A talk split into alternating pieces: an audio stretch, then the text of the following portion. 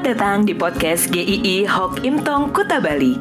Penginjil Ray Reginaldi akan membagikan renungan harian singkat untuk membawa Anda mengenal dan menyembah Tuhan Yesus, bertumbuh dan menjadi murid Kristus, serta berdampak untuk banyak orang. Jika Anda merasa diberkati melalui renungan ini, silahkan bagikan podcast ini agar orang lain juga diberkati. Inilah renungan hari ini.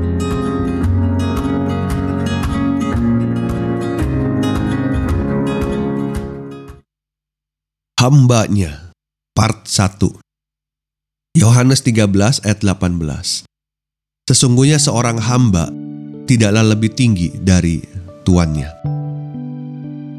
Dalam tiga hari ke depan kita akan membahas topik hambanya atau hamba Tuhan. Hari ini kita masuk bagian yang pertama. Saudara sebagai orang percaya, kita tidak asing dengan istilah hamba Tuhan baik itu disematkan kepada seorang rohaniawan atau orang Kristen lainnya. Tapi kita perlu memikirkan kembali apakah istilah hamba Tuhan ini hanya sekedar istilah atau sudah menjadi satu kesatuan sikap hidup seorang Kristen. Saya pernah bertemu seseorang yang sering kali berkata saya adalah hambanya. Tetapi dalam praktek kehidupan sehari-hari yang ditonjolkan adalah tentang dirinya. Maka apakah dirinya itu hamba atau bukan? Sangat ironis sekali bukan? Banyak orang di dalam kehidupan ini, orang percaya, tidak menempatkan dirinya tunduk pada Tuhan, tetapi ingin menjadikan dirinya Tuhan atas segala-galanya. Di dalam firman Tuhan kita bisa menemukan relasi yang indah dengan Tuhan kita bisa disebut anak Allah, murid Kristus, sahabatnya, dan juga kita disebut hambanya. Mengapa kita disebut hamba Tuhan? Karena kita ini adalah milik Tuhan. Dia yang telah menebus kita. Kita yang tadinya budak dosa, ditebusnya menjadi milik Kristus.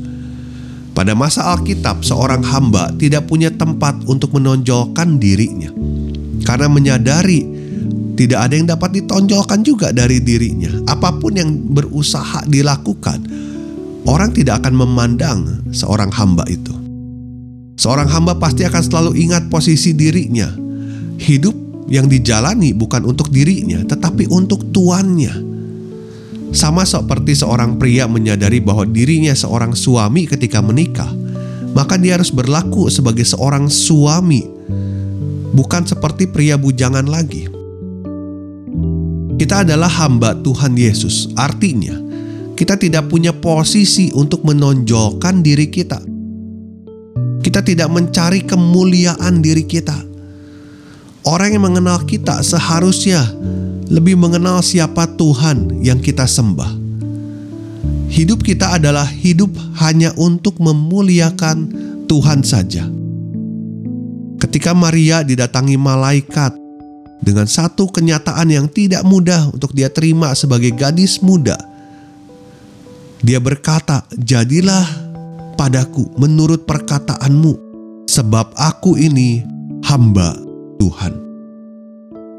Paulus pun ketika diperhadapkan dengan orang-orang meragukannya di Galatia, dia berkata dalam Galatia 1 ayat 10, Sekiranya aku masih mau mencoba berkenan kepada manusia, maka aku bukanlah hamba Kristus. Tiap orang percaya harus mengerti statusnya saat berhadapan dengan orang-orang, dengan dunia ini, bahwa dirinya adalah hamba Kristus. Dirinya bukan untuk menyenangkan orang lain, tetapi untuk menyenangkan Tuhan. Tuhan Yesus mengambil jalan hamba untuk menyelamatkan setiap kita tetapi jangan sampai kita justru ingin menjadi Tuhan atas diri kita. Bukannya Tuhan Yesus yang kita sembah. Di dalam dunia ini orang berlomba-lomba mencari untuk bisa dihargai, untuk bisa dimuliakan oleh orang-orang lain. Atau kita kadang merasa tidak enak dengan orang-orang di sekitar kita ketika kita harus melakukan yang benar. Takut kita dikucilkan, takut kita disingkirkan, takut kita tidak populer lagi, takut kita tidak disukai. Tetapi biarlah ketika kita mengatakan kita ini hambanya, kita sungguh-sungguh hidup bagi dia, tidak memanipulasi istilah hamba Tuhan itu untuk kehormatan kita di mata orang lain. Sekalipun orang tidak menghargai apa yang kita lakukan di dalam kebenaran, di dalam pelayanan kita.